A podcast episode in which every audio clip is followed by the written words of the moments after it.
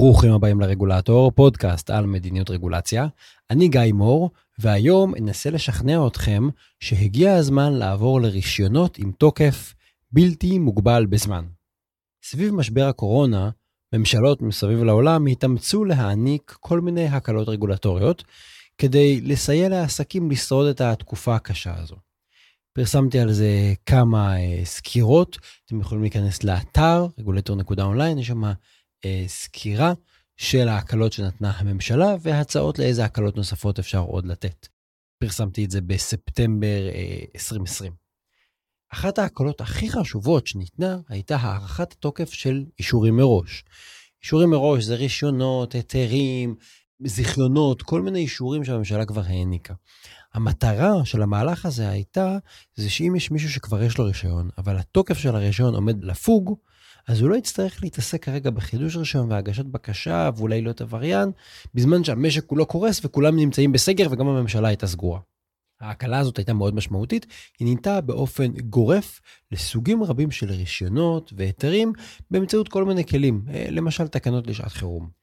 בהקשר הזה ראוי לציין גם את ההקלה שהשר לביטחון פנים דאז, אמיר אוחנה, החליט להעניק בנובמבר 2020, במסגרת משבר הקורונה.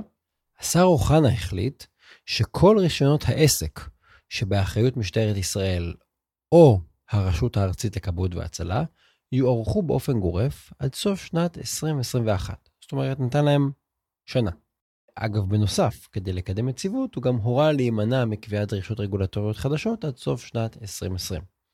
זאת הייתה ההקלה המשמעותית ביותר שמשרד ממשלתי בישראל החליט להעניק בהקשר הזה, סביב משבר הקורונה ובהקשר של הארכת תוקף של רישיונות.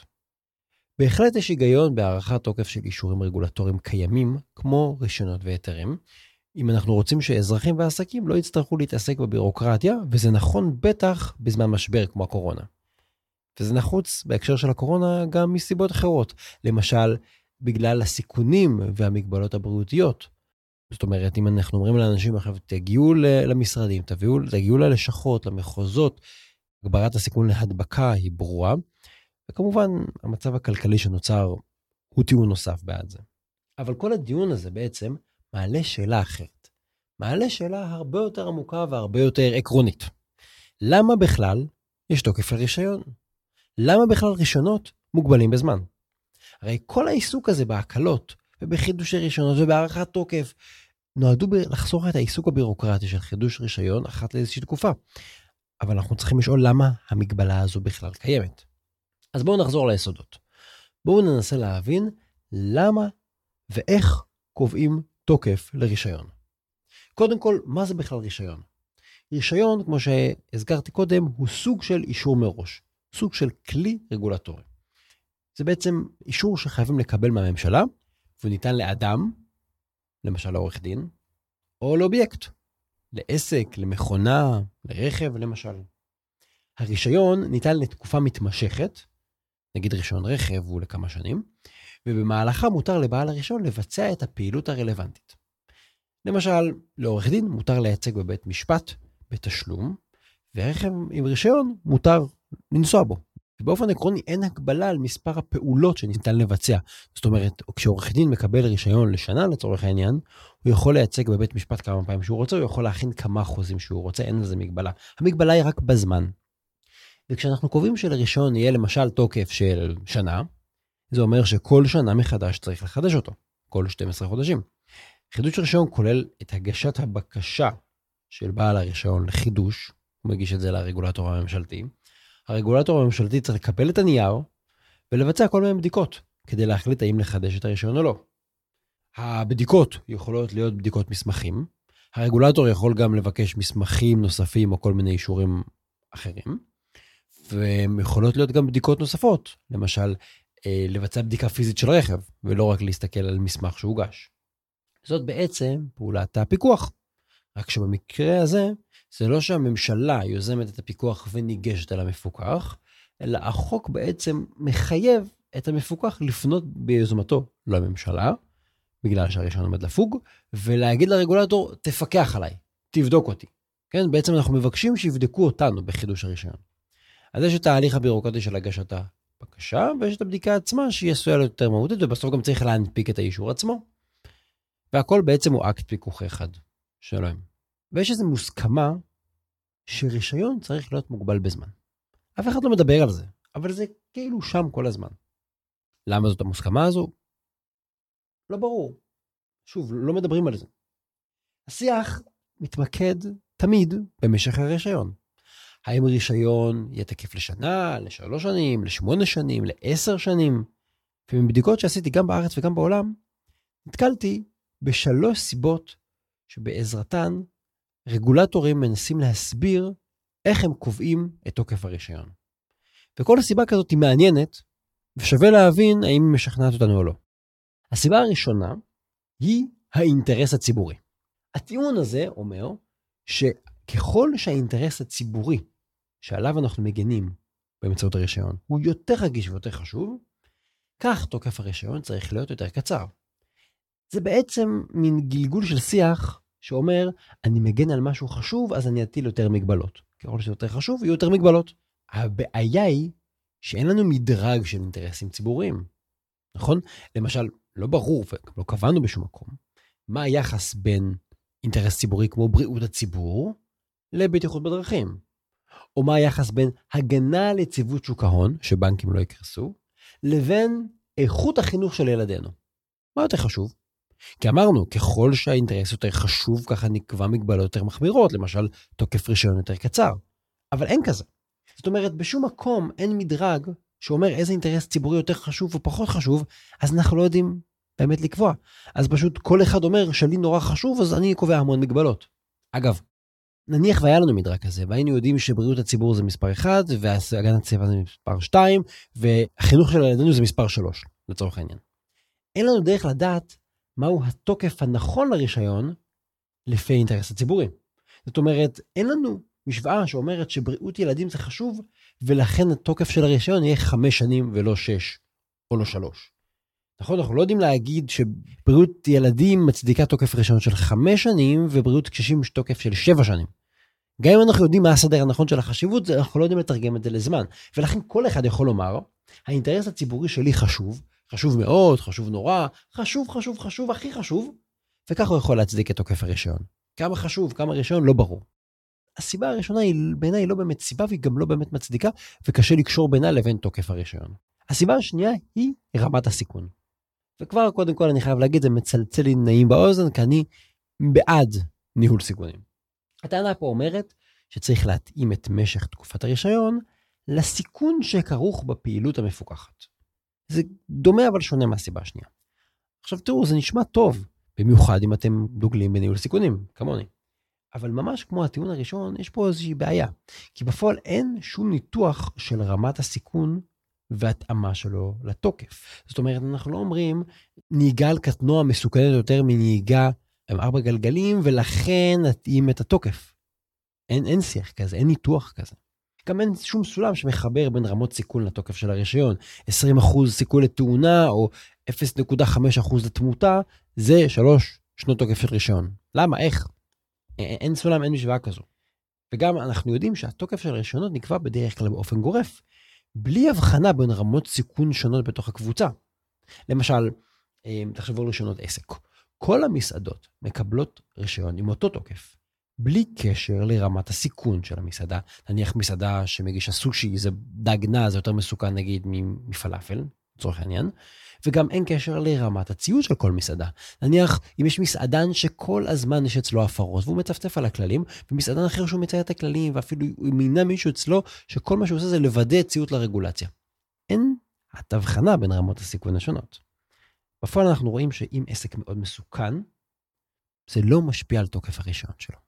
אז אם אנחנו מדברים על ניהול סיכונים, אפשר היה להגיד שסיכון יכול להצדיק יותר פיקוח, ואמרנו שבעצם חידוש רישיון הוא אקט פיקוחי. אם עסק הוא מאוד מסוכן, אני מקווה שהמפקחים יגיעו אליו בתדירות יותר גבוהה מעסק פחות מסוכן, נכון? אבל אנחנו רואים שזה לא קורה. ולכן מה שנותר לי לקוות כאזרח, זה שמאחר שתדירות חידוש הרישיון היא קבועה ואחידה לכולם, אני מקווה שהמפקחים מגיעים לעסקים המסוכנים בתדירות יותר גבוהה בתדירות חידוש הרישיון. כי אחרת כנראה לא בודקים אותו מספיק. כן, אני טוען פה טענה שהרגולציה אולי לא מספיק הדוקה. אז טענת רמת הסיכון גם לא משכנעת, אנחנו לא רואים באמת קשר בין הדברים. הסיבה השלישית היא סיבה שלא מדברים עליה כסיבה, אבל היא סיבה. וזו הגבייה. זו לא סיבה רשמית, והיא גם לא מאוד נפוצה, אבל זה קורה.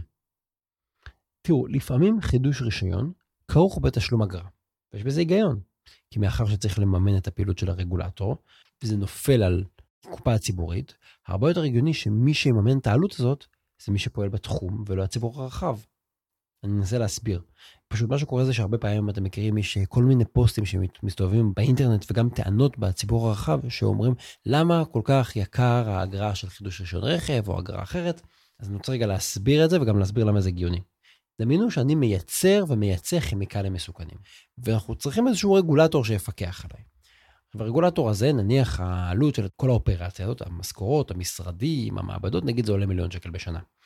או שנגבה את זה מהתקציב הכללי של הממשלה, ואז היה גם המע"מ שלכם ומס הכנסה שאתם משלמים מממן את אותו רגולטור, או שנגיד המפוקחים שמייצרים את הסיכון באותו תחום, ישלמו איזושהי אגרה על כל פעולה, יותר פעולות יותר אגרה, והם יממנו את הפעילות של הרגולטור. אז אם אתם שואלים אותי, יותר הגיוני שאני, היצרן של הכימיקלים המסוכנים, בתור גורם שיוצר סיכון, אני משלם אגרה על הפעולות שאני עושה, שתממן את הרגולטור, ולא שהציבור כולו יממן את הרגולטור באמצעות המיסים הכלליים. אגב, אני אגיד בהערת שוליים, תמיד כנראה יש עוד מימון מהציבור הכללי, אבל, אבל לפחות אנחנו הולכים צעד לכיוון הזה שהמפוקחים שיוצרים את הסיכון, לפחות יממנו את הרגולטור שבגללם הוא קיים. הבעיה שכל הדבר הזה גם עלול ליצור עיוות, כי נניח שהרגולטור גובה אגרה שנתית של 1,000 שקלים בגין חידוש רישיון של ייצור כימיקלים. אז עכשיו הוא גובה ממני 1,000 שקלים כל שנה. מה התמריץ של הרגולטור? להאריך את תוקף הרישיון הזה, נגיד לשנתיים או לחמש שנים. כי אם הוא מאריך את התוקף של הרישיון, אני אשלם לו אגרה לעיתים יותר רחוקות, אז הוא יפסיד כסף. הוא אפילו יאבד תקציב.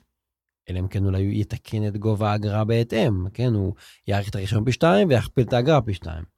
ולא בטוח אגב שיאשרו לו את ההכפלה הזאת. בקיצור, אנחנו רואים שאם משלמים לרגולטור תשלום ישיר, אז יש פן של שיקולים תקציביים סביב החידוש הראשון, שזה בכלל לא קשור לרגולציה עצמה, זה לא קשור לה, להגנה על הציבור, זה לא קשור לשום דבר.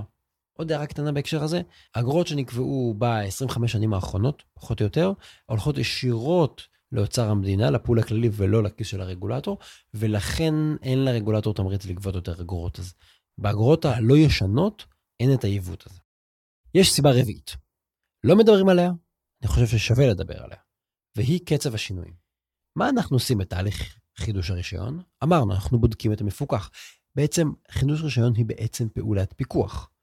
אנחנו אומרים למפוקח, כשהוא מקבל את הרישיון, תחזור אליי בתוך איקס זמן כדי שאני אבדוק אותך מחדש, נכון? אני בעצם מחייב אותו לבוא אליי להיבדק במקום שאני אצא אליו ואבדוק אותו מיוזמתי. ואם תשאלו רגולטור, למה בכלל צריך לחדש רישיון, הוא כנראה יענה לכם שכך הוא מוודא שהמפוקחים עדיין עומדים בדרישות. אוקיי, אז אם חידוש הרישיון נועד לבדוק שלא חל שינוי אצל המפוקחים, זאת אומרת שהם ממשיכים לעמוד בדרישות. לא בנו משהו חדש, לא התחילו לייצר כימיקל חדש, משהו כזה. אז אנחנו בעצם אומרים, אנחנו רוצים לוודא שלא חל שינוי אצל המפוקח מאז הפעם האחרונה שבדקנו אותו. אם ככה, אז נורא פשוט, צריך לבדוק את תוקף הרישיון לפי קצב השינויים בתחום המפוקח. נניח, קחו למשל רישיון לרכב, אוקיי?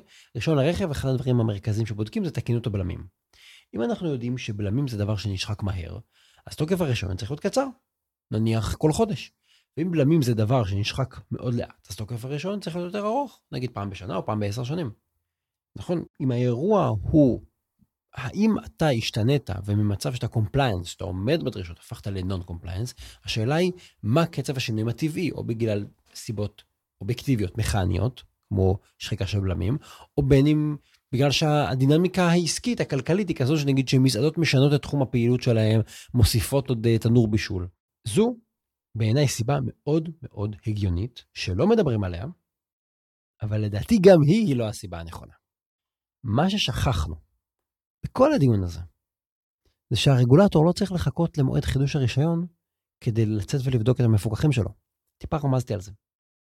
לרגולטור יש סמכות של פיקוח ושל אכיפה, כדי לבצע ביוזמתו בדיקות למפוקחים שלו מתי שהוא רואה לנכון. תחשבו על זה, גם אם נתנו לעסק רישיון למשך עשר שנים, זאת אומרת שהוא חסין מבדיקות עשר שנים? לא. הוא לא צריך לפנות אלינו עשר שנים, אבל אני כרגולטור יכול לצאת אליו ולבדוק אותו. אני יכול לבדוק, לבדוק אותו כל שנה, אני יכול לבדוק אותו כל חודש, אני יכול ללכת לבדוק אותו גם פעם ביום אם אני רוצה. זה היופי במערך הפיקוח והאכיפה. בניגוד לבירוקרטיה, שהיא אחידה, כולם מקבלים אותו תוקף, כללים חלים על כולם באופן רוחבי, זה לא ככה בפיקוח ואכיפה. בפיקוח ואכיפה יש לרגולטור שיקול דעת להפעיל אותו. לפי מה? לפי האינטרס הציבורי, לפי רמת הסיכון ולפי קצב השינויים בענף המפוקח. מזכיר לכם משהו? אלה בדיוק הסיבות שדיברנו עליהן קודם, אבל הן לא צריכות לבוא בבירוקרטיה, הן צריכות לבוא בפיקוח ואכיפה. זה מה שינחה את שיקול הדעת של הרגולטור, את מי לבדוק ואת מי לא. עכשיו יש עוד פרמטרים שאפשר לחשוב עליהם, כמו רמת הציוד של המפוקח הספציפי, ההיסטוריה שלו, המאפיינים שלו. למשל, כי מפוקחים צייתנים אפשר לבדוק פחות, ומפוקחים שהם פחות צייתנים ונוטים להפר, נבדוק אותם לעיתים יותר קרובות. הכל כמובן לפי נתונים ולפי תוכנית פיקוח, זה לא עניין שירותי וזה לא עניין של אינטואיציה מהבטן, זה צריך להיות מושכל ומתוכנן. וכאן יש עוד יתרון של פיקוח ואכיפה, אפשר לאפיין אותו באופן דיפרנציאלי. בניגוד לרישיונות שהם אחידים ומופעלים באופן שטוח, פיקוח ואכיפה יכול להיות הרבה יותר חכם והרבה יותר מדויק. מה שאני מנסה לומר פה זה בעצם שהכלי האמיתי של הרגולטור לבדוק שהמפוקחים שלו ממשיכים לציית גם אחרי שהם קיבלו את הרישיון, הוא מערך הפיקוח והאכיפה שלו. זה לא אומר שבמקום בדיקות מקיפות תהיה רק פיקוח אקראי ושרירותי, כי פיקוח לא צריך להיות אקראי. מדגם, פיקוח מדגמי צריך להיות מבוסס ניהול סיכונים. ומאחר שהמשאבים של הרגולטור מוגבלים, אז אם אנחנו מפעילים מערך מאוד גדול של הנפקה וחידוש רישיונות, אז המערך הזה שותה לנו את המשאבים של לעשות פיקוח ואכיפה בשטח. אם לרגולטור יש עשרה עובדים ותשעה מהם צריכים לשבת במשרד, לקבל בקשות לחידוש רישיון, לבדוק שכל הניירת שם, ואז להנפיק עוד מסמך. תשעה מתוך עשרה עובדים לא יורדים לשטח, לא עושים מבצעים של אכיפה יזומה, לא עושים חקירות לגלות הפרות, נגיד לחפש עסקים שפועלים בכלל ברישיון. הם לא מגישים בקשה, הם פשוט שחורים לגמרי. ובאופן כללי, אני חושב שיותר חשוב לבצע פיקוח ואכיפה מעמיקים בשטח, מאשר לשבת במשרד ולבדוק מסמכים ולהנפיק אישורים. ולכן, משך הראשון הוא בכלל לא השאלה החשובה שצריכה להעסיק אותנו. השאלה האמיתית היא, איך וכמה צריך לבצע את הפיקוח והאכיפה בשגרה. ובשביל זה, בכלל לא צריך חידוש של רישיונות. המסקנה היא שככלל, הרגולטורים יכולים להעניק רישיונות לצמיתות. זאת אומרת, רישיונות ללא הגבלת זמן. והם יבטיחו את הציות להוראות באמצעות מערך הפיקוח והאכיפה. אם הרגולטור ירצה, הוא יוכל לבדוק את המפוקחים שלו פעם בשנה. פעם בחמש שנים. פעמיים ביום, פעמיים בדקה. מבחינת הרגולטור אין פה בוויתור, וגם אין פה עיבוד שליטה. יש פה פשוט צמצום של בירוקרטיה. אבל מבחינה פנימית, הרגולטור פשוט מסיט את המשאבים שלו מבדיקת ניירת במשרד, שהיא אחידה לכולם, לבדיקה בשטח, לפי מודיעין, לפי ניהול סיכונים, לפי חקירות, לחשוף מפוקחים שמפרים את ההוראות. הגישה הזו מאפשרת לרגולטור גמישות בניהול היחידה שלו, כדי להתמקד איפה שהאינטרס הציבורי יותר רגיש, איפה שיש יותר סיכונים, איפה שקצב השינויים יותר מהיר. וגם הציבור ירוויח. כי בעצם אנחנו ממירים תהליך בירוקרטי שכולם חייבים לעשות באופן אחיד, ומחליפים אותו בפיקוח חכם בשטח, לפי הצורך. וכמובן, שכשאנחנו נעניק רישיון עם תוקף בלתי מוגבל, עדיין אנחנו יכולים להטיל קנסות על עבריינות, ועדיין אפשר לשלול את הרישיון אם תפסנו את המפוקח מבצע הפרה. עכשיו, כמובן שזה מצריך היערכות אחרת מצד הרגולטור. למשל, הרגולטור כן צריך לתעד מתי בוצעה הביקורת האחרונה על כל מפוקח, ולהחליט מה תדירות הבדיקות, ולא יש תדירות מינימלית שהוא רוצה לעשות, אבל ביוזמתו. וכמובן שהוא יצטרך לאסוף יותר מידע ולנהל אותו ולדרג את המפוקחים, אבל עם הכנה מתאימה, זה דבר ישים לגמרי, שיכול לתת לרגולטור יותר שליטה על הסקטור המפוקח ועל הקצאת המשאבים שלו. אין דבר ששואב לרגולטור יותר משאבים מבירוקרטיה. אז אם אתם איתי עד כאן, אתם מבינים בעצם שאני מציע פה הצעה קצת מהפכנית, לשקול את הרעיון של רישיונות שלא מוגבלים בזמן ולבסס את הפיקוח והאכיפה על פיקוח ואכיפה. בואו נסתכל על כמה דוגמאות כדי לנסות להבין את הרעיון הזה יותר לעומק. אז דוגמה אחת היא טסט לרכב שקצת הזכרתי קודם. היום הכלל הוא שכל רכב צריך לעבור טסט פעם בשנה כדי לחדש את הרישיון. אגב, יש לזה חריגים מהתקופה האחרונה כמו רכבים חדשים. ותחת משטר של רישיון לצמיתות, לא יהיה מועד אחיד לחידוש הרישיון. תחשבו על זה, למה בעצם כל הרכבים צריכים להיבדק באותה תדירות? אולי פורד, מזדה וטויוטה צריכים תדירות אחרת, ובטח אם הם משנים אחרות, כן? אה, רכב מ-89 אולי לא צריך לעבור את אותה בדיקה כמו רכב משנת 2000 או משנת 2020. משרד התחבורה יוכל לזמן את בעל הרכב לטסט בהתאם לתוכנית פיקוח. למשל, אם אנחנו יודעים שהבלמים של רכבי פיאט נשחקים מאוד מהר, נזמן אותם לטסט פעם בחצי שנה. זאת אומרת שהמנגנון הזה של טסט לרכב במכון רישוי יישאר, אבל במקום חובה קשיחה ואחידה ואוטומטית לחדש את הרישיון על כולם, הרגולטור יקבע מי ייבדק ומתי. עכשיו איך עושים את זה? צריך נתונים, צריך ניהול סיכונים בפיקוח ואכיפה. אגב, אם זה מעניין אתכם, מזמין אתכם לקרוא את פרק ג' למדריך הממשלתי לניהול סיכונים ברגולציה, יש לינק באתר. וכל זה אומר בעצם שאנחנו נבדוק את המפוקחים שלנו בתדירות שמתאימה להם. מי שצריך להיבדק לעיתים קרובות, יעבור בדיקה לעיתים קרובות. מי שאפשר להסתפק בבדיקה לעיתים רחוקות, ייבדק פחות. זה שימוש יותר מדויק ונכון במשאבים.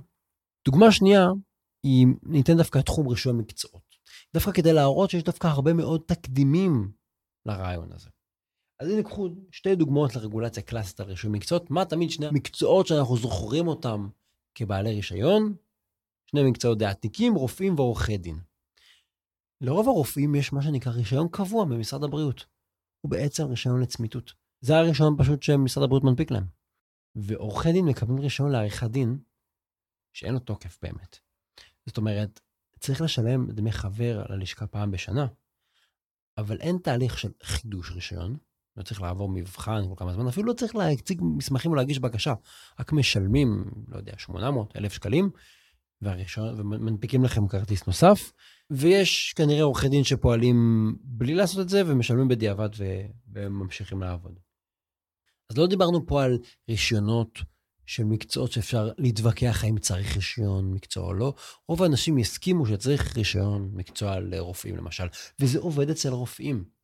ורופאים ועורכי דין הם פשוט הדוגמאות הכי קלאסיות שבדרך כלל מביאים אותם כצורך, אז אם זה עובד שם, זה כנראה יכול לעבוד גם אצל אה, דוגמי מים או לוכדי נחשים או מפעילי עגורנים, כי זה עובד אצל רופאים. ובתקופת הקורונה קיבלנו דוגמה מצוינת. משרד הבריאות שלל את הרישיון של רופא לאחר שנמצא שהרופא הזה חתם על מסמכים מזויפים, כמו אה, זיופים של פנקסי חיסונים ואישורים לפטור מעטיית מסכה שלא היה מאחוריהם צורך רפואי. בהקשר הוא זה היה רופא שהתנגד למאבק בנגיף הקורונה, ולכן הוא עשה כל מיני דברים כדי לעזור לאנשים להתחמק מהמגבלות. אבל אפשר היה לראות באותו מקרה, שהרישיון לעסוק ברפואה ניתן בלי הגבלת זמן ובלי צורך לחידוש, אבל אם מישהו מבצע הפרה ותופסים אותו, שוללים לו את הרישיון. אז מצד אחד יש לנו מערכת בלי הבירוקרטיה, מצד שני יש לנו בהחלט את מערך הפיקוח והאכיפה. הכלים קיימים. אז זה הרעיון, ולכלל הזה שאני מציע לחשוב עליו, צריכים להיות עדיין שני חריגים. חריג ראשון זה מה שנקרא היתרים לביצע פעולות. בהתחלה של הפרק אמרתי שאישורים מראש זה משפחה של כלים, היא מורכבת בין היתר מרישיונות והיתרים. אז רישיון הוא לפרק זמן מסוים, היתר הוא חד פעמי. היתר הוא ניתן כדי לבצע פעילות אחת.